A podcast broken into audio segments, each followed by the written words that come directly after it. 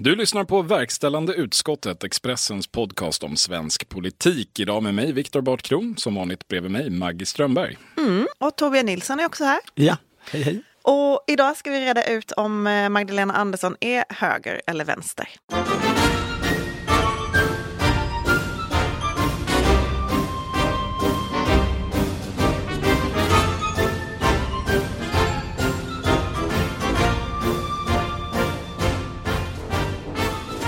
det är ju budgetdag idag. Det kanske inte kändes jättespännande efter en vår av extra ändringsbudgetar på rad. Men eh, det var ju ändå ett historiskt förslag som kom från eh, Magdalena Andersson där hon eh, ville höja utgiftstaket. Torbjörn, du var ju där. Kände du historiens vingslag? Magdalena Andersson kände det absolut. Hon sa ju det om och om igen. Så här stort har vi aldrig gjort. Det här är historiskt. Hon bara men och vad är det här med höjt utgiftstak? Kan du förklara det? Ja, men, jag, jag, tänker också, det som syntes på henne är ju så här, de tycker ju om när det är kris. Politikerna. Vilka, vilka är de? Alltså de som, de som befolkar regeringskansliet. Det är ju något speciellt när det är så här, nu står allt på spel.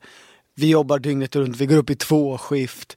Eh, vi har aldrig hållit på med så här stora siffror som vi har. Alltså det finns ju en njutning som jag tycker man kan se hos Magdalena Andersson av att så här, ja, det är inte en rolig situation men det är ändå liksom stimulerande att hantera den. Eh, vill du förklara utgiftstaket? Jag kan förklara utgiftstaket. Utgiftstaket är ju en av flera begränsningar för hur mycket regeringen får spendera pengar. Eh, och den har ju diskuterats förr och mycket om.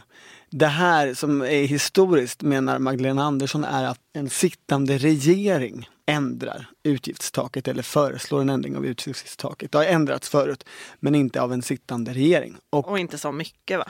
Nej, det här är ju ett, ett ganska rejält belopp. 350 miljarder kronor. Mm. Och ändringsbudgeten i övrigt var ju på 107 eh, miljarder summerades den till. Man kan jämföra det med förra årets vårändringsbudget som var på 4,5 miljarder kronor. Det säger liksom någonting om att det är inte en vanlig dag i, på Finansdepartementet. Um, dessutom så presenterade ju Magdalena Andersson sin mer pessimistiska prognos. Alltså vårändringsbudgeten brukar innehålla två prognoser. Man brukar ofta prata om huvudprognosen ja. och sen finns det en som är lite mörkare. Den var ju ganska mörk, 13,5 procents arbetslöshet, negativ tillväxt, stor statsskuld.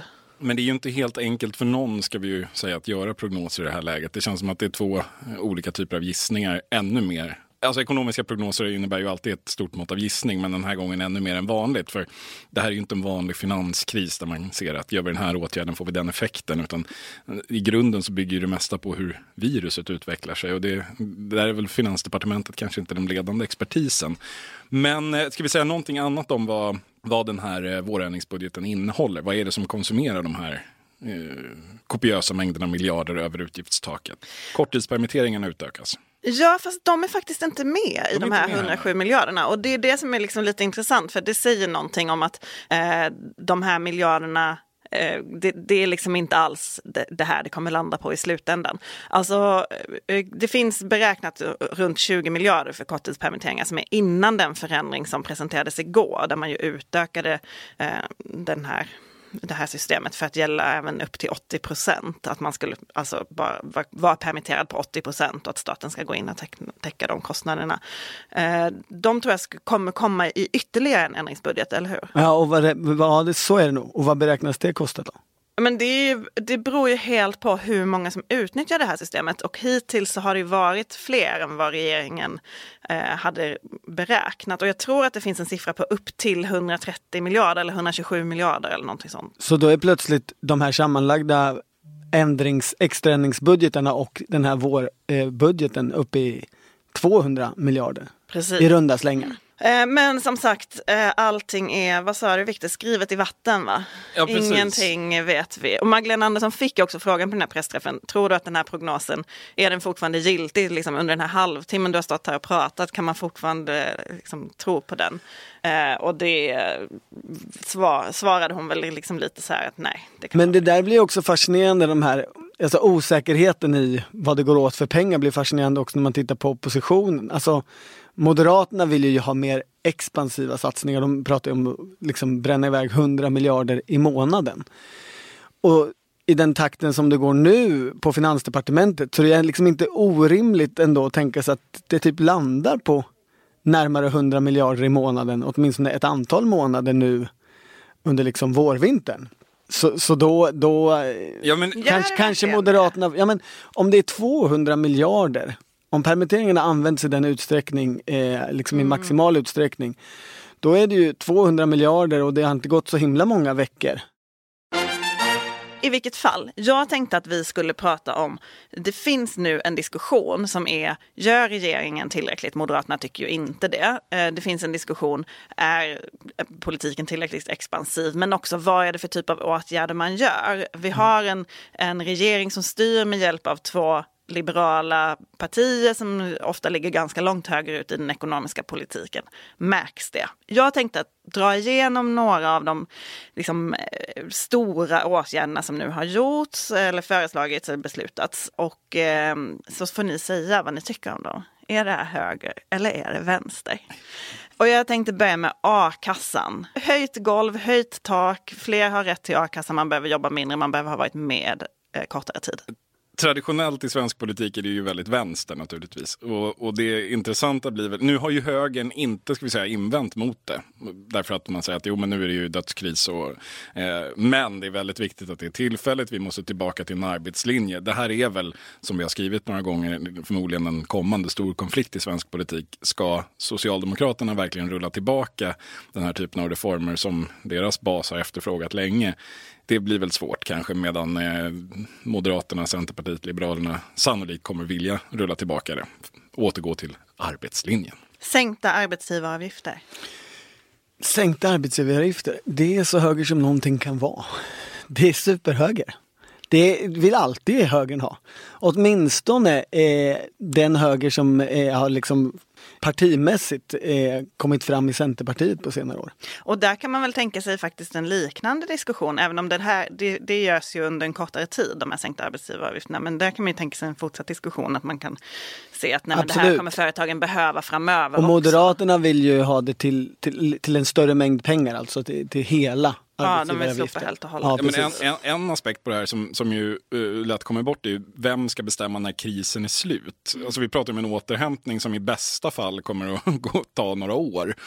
Alltså när under den bedömer man att krisen är slut och allt ska återgå till det vanliga? Vi ska dra upp eh, arbetsgivaravgifterna, ner a-kassan. Det kommer ju alltid finnas någon som argumenterar för att det skulle gå ännu bättre, eh, den här återhämtningen skulle gå ännu bättre om vi hade lägre arbetsgivaravgifter. Eh, och eh, det finns fortfarande arbetslösa som drabbas av, av sitt utanförskap och behöver eh, en, en bättre ersättning. Så, så den där är ju, det där är ju en annan fråga som, som, som där svaret knappast är. Liksom den kommer vi hålla på med mycket framöver mm. kan man känna. Vad, vad säger ni om avskaffad karensdag då? Ja, det, det, är väl Vänsterpartiet och Sverigedemokraterna som ibland har pratat om det. Alltså förr i tiden så fanns det ju socialdemokrater som tyckte det. Men alltså pratar man med socialdemokrater nu så tycker de väl inte att det är... Alltså det är ju en vänsteråtgärd, okej. Okay. Men det är ju inte en, det är ju ingenting som socialdemokrater går och drömmer om i, att man ska göra. Jag tror att det kan inte komma någon form av så ny, eh, så här, någon som söker en mittenposition där vissa grupper grupper kan undantas från, från karensdagen i högre utsträckning. För, eh, för man, alltså, det är någonting som blivit påtagligt här, är att vissa grupper i samhället är mer utsatta för risken att bli smittade i jobbet än vad andra är. Eh, och det kan man ju tycka att grupper som, som drar på sig en, en massa skit, alltså förkylningar och influenser och allt vad det är, i sitt jobb skulle kanske inte drabbas ekonomiskt i samma utsträckning som folk som inte behöver personal, till exempel. Vårdpersonal. Jag tror att den diskussionen kommer komma. Jag undrar ifall vi kommer framöver se liksom minskad smitta generellt eftersom alla nu har lärt sig tvätta händerna, upptäckt sina tummar, förstått att liksom, det finns något. Ja. Men eh, vi ska gå vidare. Eh, har du? du har två vänstergrejer och en högergrej hittills. Och nu kommer det en, det känns som att ni tycker att det är lite banalt och enkelt, men jag kommer ändå säga sjuklönekostnaderna och att staten alltså tar dem från företagen. Det, det tycker högern om. Det är ett högerförslag. Ja, fast är det höger igen? Alltså den här, tycker jag, den, den här är faktiskt lite svår. Alltså den är ju höger i svensk politik eftersom de traditionella högerpartierna traditionellt har näringslivets intresse. Det här är ju mer intressepolitik för företag snarare än en liksom, ideologisk högerfråga. Det är klart att företagen har intresse av att någon annan betalar sjuklönen och det är klart att eh, staten har ett intresse av att... Eh, Men du menar ideologiskt så skulle man kunna tolka det tvärtom? Det är, ja, alltså, du, du, du, kommer väl snarare in på förekomsten av sjuklön. Är det höger mm. eller vänster? Ja. Du tänker så. Eh, mm. Vem som betalar, det, det är ju mer som sagt en kamp mellan olika intressen. Mm. mm. Men det är klassisk Annie, klassiskt Annie Lööf-förslag. Ett sånt hon brukar dra till med när man känner att nu har de lite idétorka på Centerpartiets kansli. Mm. Då, då föreslår de något om sjuklön. Så vi får säga intressehöger. Ja, mm. ja men det är bra. Eh, permitteringarna då? Det är ja, samma sak. Samma där egentligen. Ett näringslivsförslag, ett särintresse. Ja, men man skulle ju kunna hävda att det är liksom är varken höger eller vänster så mycket av det här. Det är krispolitik. Men om man tittar på vad det de facto är så är det ju statens pengar, folkets pengar som går in i företagskassor. Det är en omfördelning från människor till företag i företag finns också människor, skulle så högern säga. Men, och de ger jobb till människor. Men alltså från ett liksom, normalt vänsterperspektiv så är det svårt att få det till någonting annat än det här är ändå en högerpolitisk åtgärd. Det är i alla fall ingen vänsterpolitisk åtgärd. Alltså man kan ju se det å andra sidan som att det här är någon form av där företagen blir liksom en del av välfärds statens omfördelning. Att företag betalar ju trots allt skatt och i vissa extrema krislägen kan de också eh, få en sjukförsäkring som då korttidspermitteringarna skulle kunna innebära. För att det, det är liksom argumentet det som gör att alla partier, både vänster och höger, ställer sig bakom det här är ju att ja, men vad är alternativkostnaden? Om vi inte låter företagen korttidspermitteras. Och facken också. Ja, ja visst. Liksom. Då, då, då, kommer ju företagen gå under och då kommer ju staten lik förbaskat stå där med kostnaden för eh, arbetslös. Och väldigt lite skatteintäkter. Väldigt lite skatteintäkter. Så det, det, det kan väl ses som någon form av ja, företagens del i det.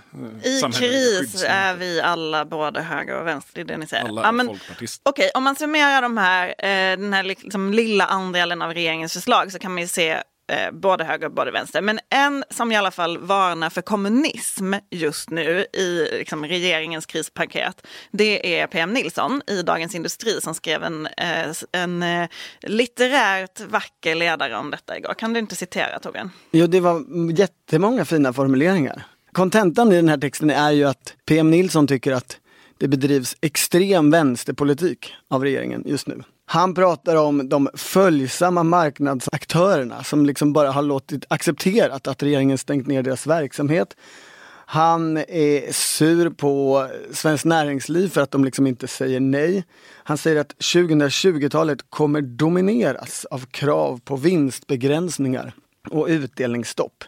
Han säger att det är, i Sverige har en opportunistisk politisk klass, strykrädda myndigheter och artiga medier som går rakt in i en statsinterventionistisk era där den lilla vänsterregeringen har fått fri och gränslös lejd. Och där eh, Magdalena Andersson låter som en 1980-tals socialist. Ja, Men det, det är ord och inga visor. Eh, och, och, Samtidigt så finns det ju en, en, annan diskussion som är så här, eh, tittar man utanför Sveriges gränser så gör man helt andra typer av saker. Där går man mycket längre vänsterut. Absolut. Alltså det, om man tittar på de så här anglosaxiska ekonomierna där man kanske inte har samma form av liksom skyddsnät eh, redan så har man ju liksom byggt upp sådana skyddsnät. I, liksom med, med, ersättningar för förlorad lön och sådär. I Storbritannien så, så, går staten in och, bara tar det. De tar liksom det också om du har ett enskilt företag och måste sitta hemma i, i din karantän där. Eh, och det är ju enorma pengar. På några veckor bygger man liksom upp den socialdemokratiska eh, trygghetsstaten och rör sig alltså superlångt vänsterut. Och som inte det vore nog så håller man ju också i Storbritannien på nu med så att staten ska skaffa ägarandelar i medelstora företag. Alltså företag som håller på att gå under ska liksom delvis köpas upp av staten och så ska staten deläga det. Plötsligt så har man då liksom ett halvt liksom statligt ägt näringsliv. Det låter som det som Jonas Sjöstedt och Ulla Andersson var ute och föreslog för några veckor sedan. Ja, det, bör, ja, det där började ju, i Sverige så började det faktiskt med ett moderat förslag. Ja, men, och det är det roligaste. För det, det, är väl egentligen kanske, om man ska prata liksom höger vänster så är det väl kanske ändå det här som är kärnan. Alltså hur ser man på statens ägande i näringslivet, statens roll här. Jo, Moderaterna började med att säga att eh, de vill ju inrätta en riskkapitalfond på 100 miljarder kronor var det då när förslaget kom. Och fonden skulle då kunna investera i olika krisbolag. Men då var det jätteviktigt för Moderaterna att man inte skulle ha aktivt ägande utan eh, man skulle då ha någon slags aktier utan röst rätt. Så man skulle pytsa in pengar men inte få bestämma ja. någonting? Och Magdalena Andersson har istället sagt i en intervju med Dagens Nyheter för lite sedan att hon tycker att liksom, i ett läge där man skjuter till pengar, alltså där man ger kapitaltillskott till stora bolag så ska staten också äga för att skattebetalarna ska få någonting tillbaka på den det roliga, det roliga i den där diskussionen är också att det har varit en stor Facebook-debatt hos eh, före detta finansministern, eh, socialdemokraten Allan Larsson och Leif Pagrotsky som liksom tillsammans har utvecklat egna versioner av det här.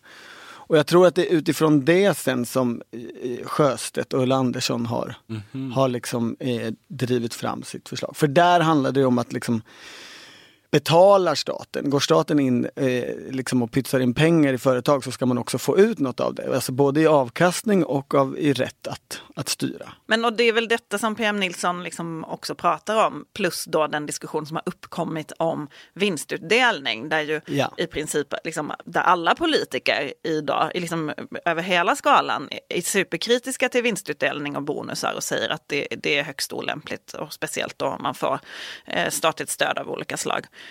Um, och det är ju intressant. Där har ju Benjamin Dosa till exempel, MUF-ordföranden, gått ut och sagt att uh, han har väl också varnat för, för framtida kommunism här. Eller? Ja men, ja men det uppfattar jag. Men och det är ju inte så konstigt, alltså det, den här texten som PM Nilsson skrev, den låter ju väldigt stor och lite konstig liksom sett till de åtgärder som regeringen gör nu.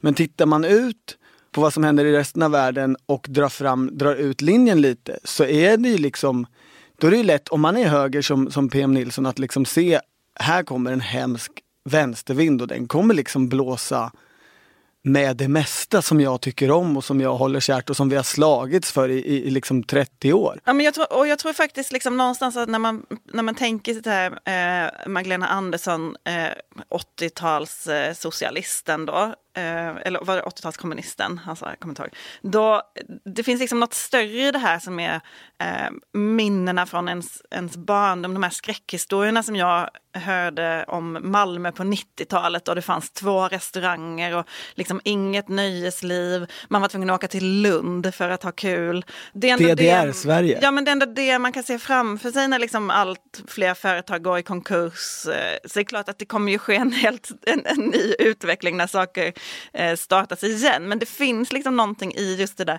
80-talssynen på, på Sverige. Förstår alltså, ni vad jag menar? Ja, absolut. Men, men det, det, utan att liksom gå in och ta någon sida måste man ju säga det är väl kanske coronaviruset snarare än Magdalena Andersson som håller på att återskapa den där typen av DDR-Sverige. För jag har inte hört, alltså statliga ägandet i all ära, men vad jag har sett är det väl inte så att det är några svenska vänsterpolitiker som egentligen har gått ut och sagt att nu tar vi chansen och förbjuder restauranger och Nu ska vi bara ha klockhamburgare Nej, det, det, är väl inte riktigt den vibben än. Absolut inte, men det är liksom, och jag menar men inte det, men det av, finns en absolut. känsla av att så här, allt som vi har byggt upp, all utveckling som har skett, Systembolagets för... Just nu pågår vår stora season sale med fantastiska priser på möbler och inredning. Passa på att fynda till hemmets alla rum, inne som ute, senast den 6 maj. Gör dig redo för sommar. Välkommen till Mio. CSRD, ännu en förkortning som väcker känslor hos företagare. Men lugn, våra rådgivare här på PWC har koll på det som din verksamhet berörs av. Från hållbarhetslösningar och nya regelverk till affärsutveckling och ansvarsfulla AI-strategier. Välkommen till PWC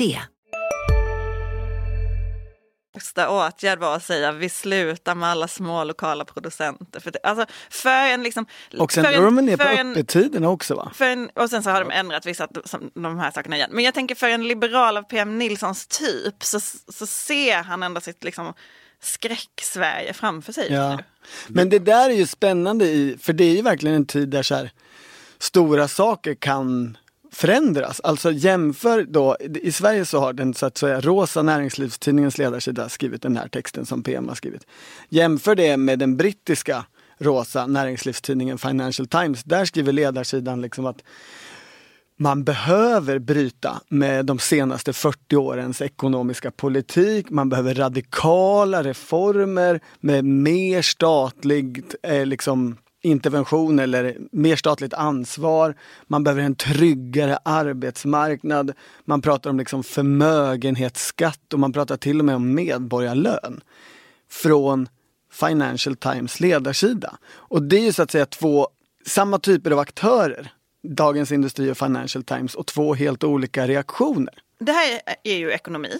Ja. Och det har vi ju inte pratat om på länge. Alltså eh, ekonomi har ju varit ointressant i svensk politik ganska länge. Det låter hårt och ja, Finansdepartementets budgetavdelning är viktig. Men det är ändå inte det som debatten har handlat om. Viktor, ja. berätta om senaste sifon. Ja, nej men, nej men det är precis som du säger, så, så det fanns ju i svensk politik den här mycket bestämda uppfattningen att för att kunna vinna ett val så måste man, ha, så måste man äga frågan om Sveriges ekonomi. Och det var väl ett arv från 90-talskrisen eh, och det var ju högst giltigt i alla fall fram till 2010. Efter det inte särskilt mycket. Eh, Moderaterna höll benhårt kvar vid ekonomisk politisk trovärdighet och förlorade valen lik förbannat. Och det var ju för att andra frågor började spela en mycket central roll. Nu ser vi en väldigt dramatisk återgång, skulle jag säga. Vi har idag i eh, Expressen så presenterar vi en SIFO-undersökning som har gjorts om eh, eh, vilka frågor som är viktigast för partival. Och det är ganska dramatiska skiften då jämfört med, med valet 2018 som är jämförelsetalet vi har närmast.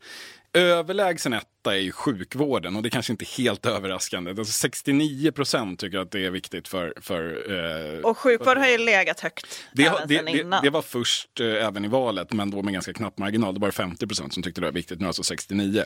Men raketen på listan rent procentuellt, det är den nya tvåan och det är eh, Sveriges ekonomi. Mm. Som går från 27 till 45 procent mm. och från plats någonstans eh, 8 till 2. Eh, och det här är ju intressant. Vi, jag kan gå igenom några andra också. De som, de, de som ökar det är då sjukvården som redan ledde. Det är landets ekonomi och det är din egen ekonomi, alltså privatekonomi. Mm.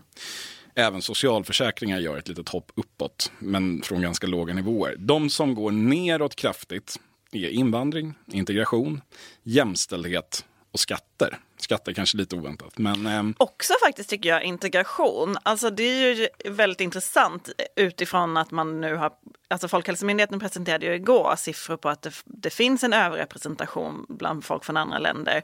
Eh, man har pratat om trångboddheten, det finns väl alla anledningar att alltså det, det, det, här betyder, ska man vara tydlig, inte att folk har ändrat uppfattning i frågor om invandring, integration, jämställdhet eh, eller skatter. Men det betyder att man tillmäter dem mindre relativ vikt mm. när man bestämmer vilket parti man ska rösta ja, på. Och men... det där spelar ju roll ändå för, för oh, hur ja, det går ser, för partierna. Och, och, vad betyder det här för partipolitiken? Ja, den senaste SIFO-mätningen om partisympatier visade ju att det var två partier som gick framåt. Det var framförallt Socialdemokraterna, men det var också Moderaterna. Eh, alla andra partier gick tillbaka. Och så det, det, är väl logiskt när landets ekonomi ökar i, i, i tyngd medan då de mer eh, ja, det som brukar kallas för de kulturfrågorna går neråt. Men absolut, det finns väl alla anledningar att tro att integrationsfrågan ännu mer kommer uppfattas som en del av landets ekonomi med tanke på hur central mm. den är i den diskussionen. Men så ser det alltså ut nu när, man, när, när folk får ranka eh, frågorna var för sig. Invandring går alltså ner från 40 procent som tycker det var viktigt för partival till 25. Och det här kan ju förklara eh, till viss del det man ser i, i partiernas opinionsmätningar. Alltså att, att SD backar så pass mycket. Ja. Mm. Så, så är det sannolikt. Om än, ska vi komma ihåg, till historiskt höga nivåer. När man går, eh, det, det, är lite, de är fortfarande klart över sitt valresultat. Så, eh, men eh, men så, så ser det ut. Landets ekonomi håller på att bli trendigt igen och här har Moderaterna ägnat fem år åt att försöka profilera sig i andra frågor. Det var kanske dumt.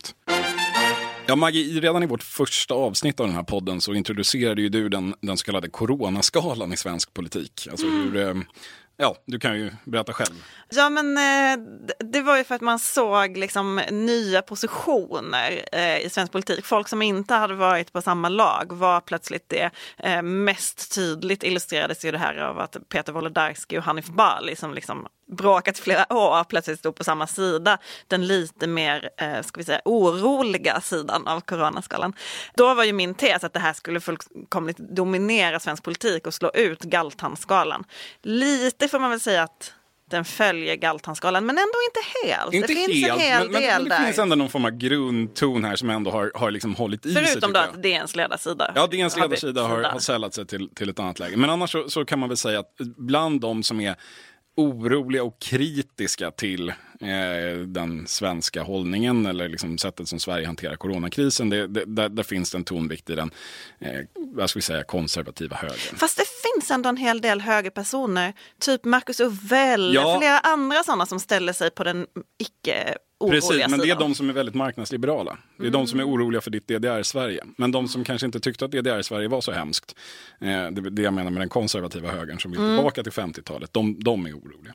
Hur som helst, eh, medan då folk som sympatiserar med regeringspartierna eller regeringsunderlaget tenderar, mycket grovt uttryckt ändå, men att eh, ha linjen att i Sverige lyssnar vi minsann på experterna.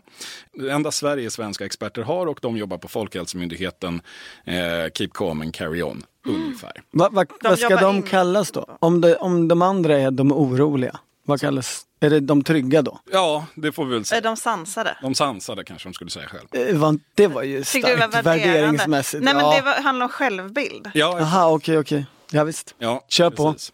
Hur som helst, min, det jag vill komma till här är att dels, det här är en ganska ovanlig bild om man tittar ut i de här internationella jämförelserna som du ägnade dig åt nyss Torbjörn. Eh, I Sverige tror vi ju lätt att vi, vi är som alla andra, eh, fast lite bättre, men här är vi faktiskt inte det. Utan det är ju snarare så, tittar man på de länder vi brukar inspireras av så är ju förhållandena de omvända. Alltså I USA så är ju den amerikanska vänstern och de liberala tidningarna är ju, är ju oerhört kritiska till Donald Trump som har fördröjt det här och i princip eh, haft ihjäl en massa amerikaner eh, genom att inte gå in hårdare tidigare. Det finns en stark kritik från vänster i Storbritannien eh, mot att Tory-regeringen var för, för långsam med att stänga ner. Eh, I Danmark så har ju tidigare statsministern Løkke Rasmussen eh, som är höger då, eh, varit ute och luftat kritik mot att eh, man har stängt ner för mycket då från vänsterregeringens håll. Eh, så det är inte lika självklart. Man kan säga att det finns väl något, någon aspekt av oppositionen tycker alltid tvärtom, men hur som helst. Det jag vill komma till är att på torsdag får ju nu regeringen igenom sin maktlag som vi ägnade förra avsnittet åt att dekonstruera. Superbemyndigandet. Precis, superbemyndigandet som ger regeringen möjlighet att med mycket kort varsel återinföra DDR-Sverige. eh, genom att stänga ner eh, verksamheter. eh, Allt som är kul. Sen tidigare har man ju skaffat sig möjligheten att stänga ner skolor också. Eh, jag menar på att den dynamiken i coronaskalan, eller vad vi nu ska kalla den, gör det väldigt, väldigt svårt för regeringen att använda det här rent politiskt. Alltså att vinna på, Ja men alltså titta i, igår så, så är Annika Strandhäll som jag ändå får se som en ganska central socialdemokratisk aktör och tidigare ganska nyligen minister i den här regeringen ute och delar artiklar eh, från där Agnes Wold medverkar och talar om att det bara är machopolitiker som håller på att stänga skolor. Vilket är lite ironiskt eftersom hennes egen regering har skaffat sig då möjligheten att göra detta. Men Ja. hur som helst, där någonstans finns ju, jag menar att skulle regeringen nu använda den här tuffa nya till, makten. Jag skulle använda det här nya superbemyndigandet åt att faktiskt Börja göra drastiska saker. Gå Ja. mer ehm, i den riktning som vi har sett i, ja, bara i de andra nordiska länderna. Göra Peter Wolodarski nöjd. Då riskerar man att dels få dem emot sig som redan var emot. Eh, det här är för lite och för sent. Vi sa ju det, varför lyssnade ni inte? Ja. Och samtidigt göra alla de som har ställt sig och tryckt upp t-shirtar med Anders Tegnell. Eh, som, Då blir de besvikna. Som tycker att Sverige är den sansade rösten i en, eh, i, i en populistisk värld.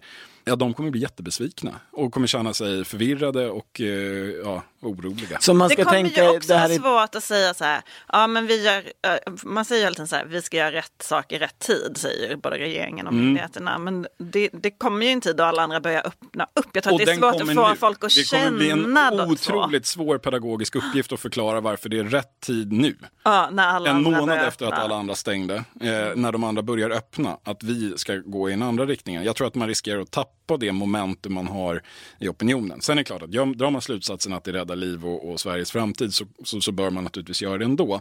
Men ur ett politiskt perspektiv så har man satt sig i en, så är man i en liten eh, svår sits där. På det viset, så rent politiskt så är det förmodligen så att man sitter där man sitter och där kommer man sitta kvar. Och det kan ju då sluta på två sätt. Antingen med att, Europa, eh, att eh, Stefan Löfven framstår som Europas coolaste premiärminister och Anders Tegnell som den nya Hans Rosling. Eh, och jag utesluter verkligen inte det. Det är till och med så att det, det kanske ligger i farans riktning om det fortsätter så här. Eh, men det kan också sluta på ett helt annat sätt. Men jag tror att det är svårt att byta Sveriges position, både inrikespolitiskt och liksom bilden i världen, för den sitter så pass hårt nu att vi har valt den här vägen.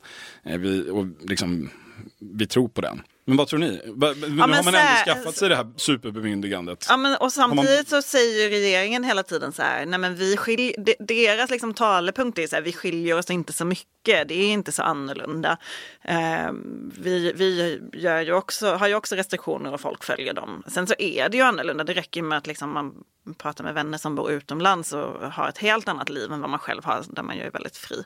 Men det är ju ändå det regeringen försöker sälja in. Men det är klart, det skulle ju bli en förändring om man stänger allting. Alltså det, som, det, det är klart, alltså om vi började prata med att det är svårt med ekonomiska prognoser så är liksom opinionsprognoserna nästan ännu svårare. För det som alla sådana här liksom, grejer ska mätas mot är den här närmast naturkraften. Det finns en kris, folk söker sig till liksom, statsministern och regeringen och de får massa pluspoäng på ett väldigt enkelt sätt. Hur länge håller det i?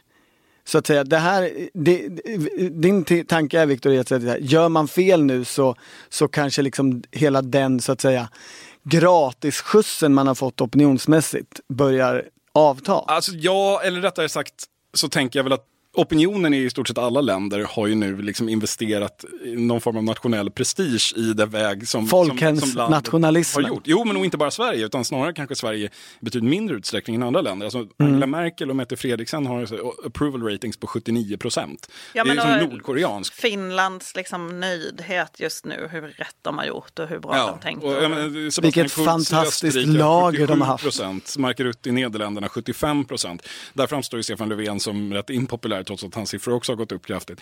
Men, men alla länder liksom väljer att sätta sin tro till sin regering. Och då menar jag att det är väldigt svårt för en svensk eller någon annan regering att tvärt byta den strategi man har valt. Eh, och, och, och det är här, egentligen, alltså, regeringen har inte själva riktigt sagt, det har ni helt rätt i, att här, det här är vår linje, eh, vi står för den till varje pris. Men dynamiken i coronaskalan, och det är här jag vill liksom, därför började där, eh, har tryckt sympatisörerna till eh, mer och mer in i de här hörnen. Mm. Alltså, vi, vi i Sverige, vi, vi har Anders Tegnell t-shirt och tar det lugnt. Att försöka förändra det, då riskerar man ju att, att få alla emot sig. Men det är väl en bra summering? Stefan Löfven har låst fast sig på coronaskalan. Och där sitter han, lite där han sitter. Mm.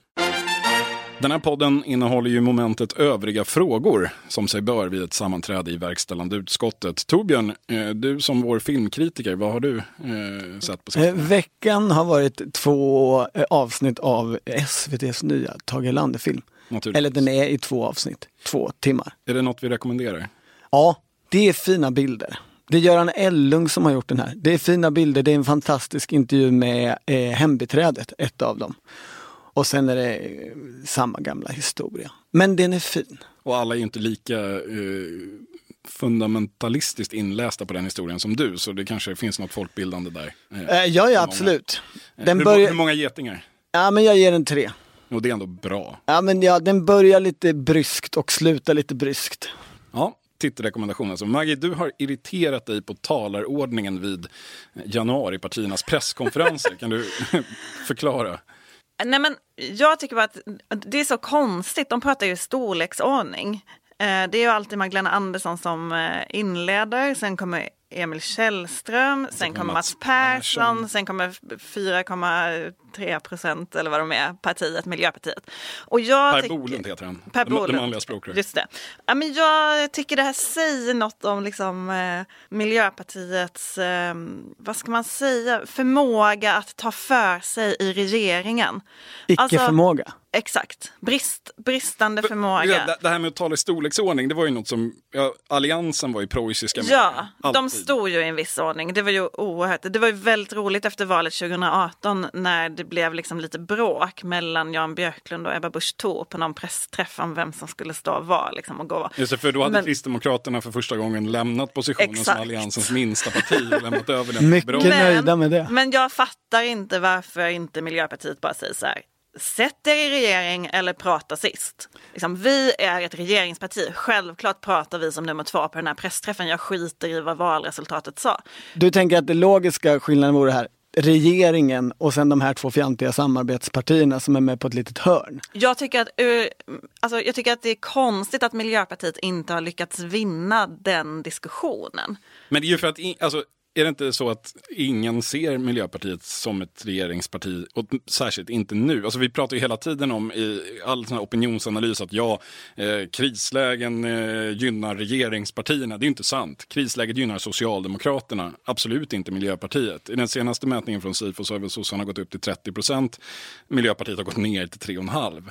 De, så, de... Och samtidigt så är, alltså så pratar man ju även under alliansen att eh, liksom det var bara Moderaterna som gynnades av när alliansen gjorde något bra eller skötte finanskrisen bra. Så där. Det pratades ju mycket då om, om jätten Glufs-Glufs som åt upp de små allianspartierna och därför skulle de inte kunna regera framöver. Och så där. Men, men absolut, Miljöpartiet, det, det tog ju lång tid innan Miljöpartiet började stå på alla de viktiga pressträffarna. Det gör de ju ändå nu. Det verkar ju ha skett någon analys där. Men det där blir lite ironiskt för på något sätt så var ju Miljöpartiet tycker som parti dels principiellt och dels i inriktning att så här, det är bra att de här eh, samarbetspartierna kom in i samarbetet.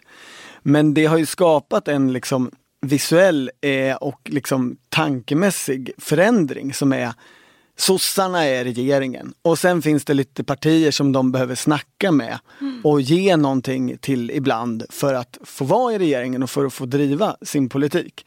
Och, och då, då, klumpas ju liksom Miljöpartiet ihop med de där samarbetspartierna. Precis. Och, och, då, då hamnar, och så är de minst av dem. Jo men och då skulle man ju likt den gången då man krävde att både Lövin, nej Romson och Fridolin skulle vara med på eh, decemberöverenskommelse, pressträffen, så skulle man ställt krav även nu på det visuella och vem som pratar De kanske lärde sig något av att det inte var så bra att Gustav fick stå där, Fridolin, och inte säga någonting utan bara vara någon slags kuttersmycke. Jo, jo, men i vilket fall. Jag, jag, jag, jag som ändå... miljöpartiexpert. Ja, du får vinna det här. Jag, jag, vill ändå, jag vill ändå säga att eh, till deras försvar så fick de ju faktiskt underteckna eh, dagens DN Debattartikel tillsammans med Magdalena Andersson. Ja. Där var inte Centerpartiet och Liberalerna med. Och där påminner man faktiskt om att det finns andra samhällsfrågor också, till exempel klimatomställningen. Så um, det, så framgångarna kommer? Eh, nej, det tror jag inte, men, men det var en symbolisk seger i alla fall. Hörrni, tack för att ni lyssnar på Verkställande utskottet, Expressens podcast om svensk politik. Idag med mig Viktor Bart Kron, med dig Maggie Strömberg, med dig Torbjörn Nilsson. Vi hörs igen nästa onsdag, varje onsdag. Tack för idag.